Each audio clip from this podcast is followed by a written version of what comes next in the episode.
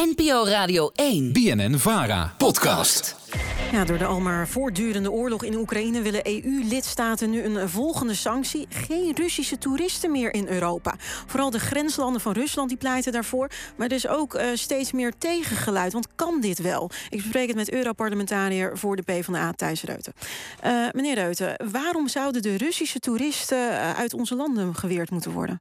Nou ja, dat leidt natuurlijk, leidt natuurlijk tot, tot onvrede. Ook bij mensen die die Russen vrolijk vakanties zien vieren in Europa. En met name in een aantal landen die direct grenzen aan Rusland. En die vrij veel Russen ook met bestaande visa. Hè, want het zijn mhm. niet alleen nieuw uitgegeven visa. Er zijn natuurlijk ook al visa verstrekt in het verleden. En die Russen komen dus met bestaande visa de grens over in de Baltische Staten. In Estland, Letland, Finland, ja. En, en dus daar heeft dat uh, geluid zich eigenlijk het meest uh, nadrukkelijk doen, doen gelden. maar ik denk dat ook elders in Europa. En ja, ik denk wij allemaal misschien ons best wel verbaasd hebben over Russen die vrolijk vakantie vieren. En er zijn natuurlijk ook wat incidenten geweest waarbij Russen op vakantie in Europa uh, bijvoorbeeld uh, nou ja, borden met de grote Z, hè, het symbool van het leger van, van Poetin, hebben beschilderd. Hè. dat zijn, dat, zijn dat Russen die op vakantie zijn? Ja, nou, dat wekt irritatie op. Ieder geval, mensen associëren dat met, met Russen die ook nog steeds op vakantie zijn. tegelijkertijd moeten we ook constateren dat die mensen sowieso naar Europa kunnen komen, ook via allerlei andere routes, mm. via Dubai, met bestaande visa, met bestaande paspoorten van EU-lidstaten die ze hebben. Dus het is zeer de vraag of een algehele visa-blokkade op dit moment nou zoveel verschil zou maken. Ja, want, want wat zouden we ermee bereiken als we dan zo'n toeristenvisa visum, uh, verbieden? Ja, een belangrijk nadeel daarvan is dat je mensen die Rusland zouden willen ontvluchten en dat een beetje onder de radar willen doen nu, hè, die niet uh, meteen asiel willen aanvragen, maar met een toeristenvisum de grens over en vervolgens niet meer terug uh, gaan, dat je die dat moeilijker zou maken. Je moet ook vaststellen dat er in de praktijk op dit moment al weinig nieuwe visa worden uitgegeven. Ik heb begrepen dat we een personeelstekort hebben in Nederland, waardoor er al helemaal geen toeristenvisa worden uitgegeven. Nou ja, dat zou je dus kunnen zien als een slimme manier om uh, niet te veel visa meer uit te geven. Uh, omdat het juridisch gezien namelijk nogal lastig is om zo'n volledige visumboycott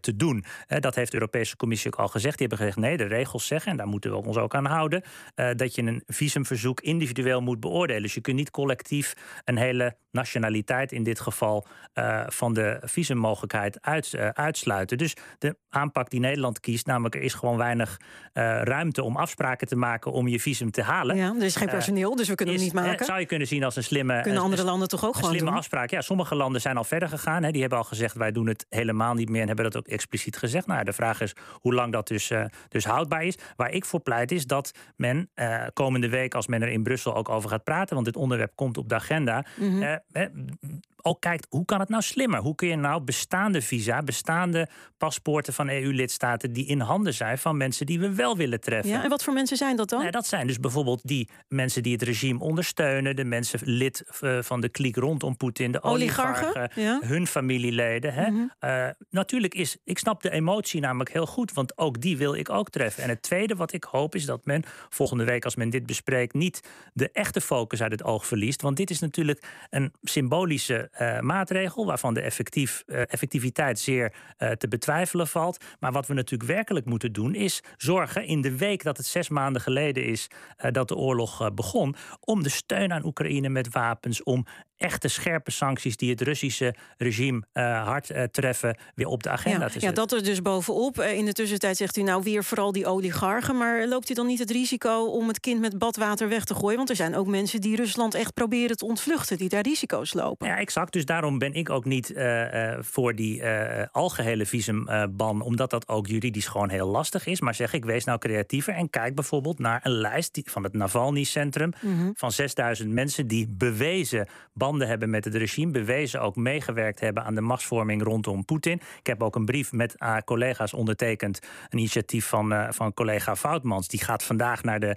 naar de Europese Commissie om bijvoorbeeld zo'n lijst erbij te pakken en te zeggen: kijk dan gericht hoe je die 6000 mensen op die lijst. Misschien zijn er nog andere lijstjes. De sporters en studenten, die zouden daar niet tussen moeten die, zitten. Die zijn ook al uitgezonderd door uh, bijvoorbeeld de mensen die nu pleiten voor een uh, volledige visumboycott. Hè? Want mm. uh, collega Sjoerdsma uit het Nederlandse Tweede Kamer heeft daar natuurlijk ook voor gepleit. En die noemt verder ook meteen een aantal uitzonderingen. Want je wil natuurlijk een aantal groepen wel de mogelijkheid blijven geven om bijvoorbeeld hun familie te bezoeken. Dus dit is, geeft precies ook aan dat de effectiviteit, dat je daar goed naar moet kijken. En dat mm. je hè, niet meteen vanuit de emotie moet zeggen: laten we er maar helemaal mee stoppen.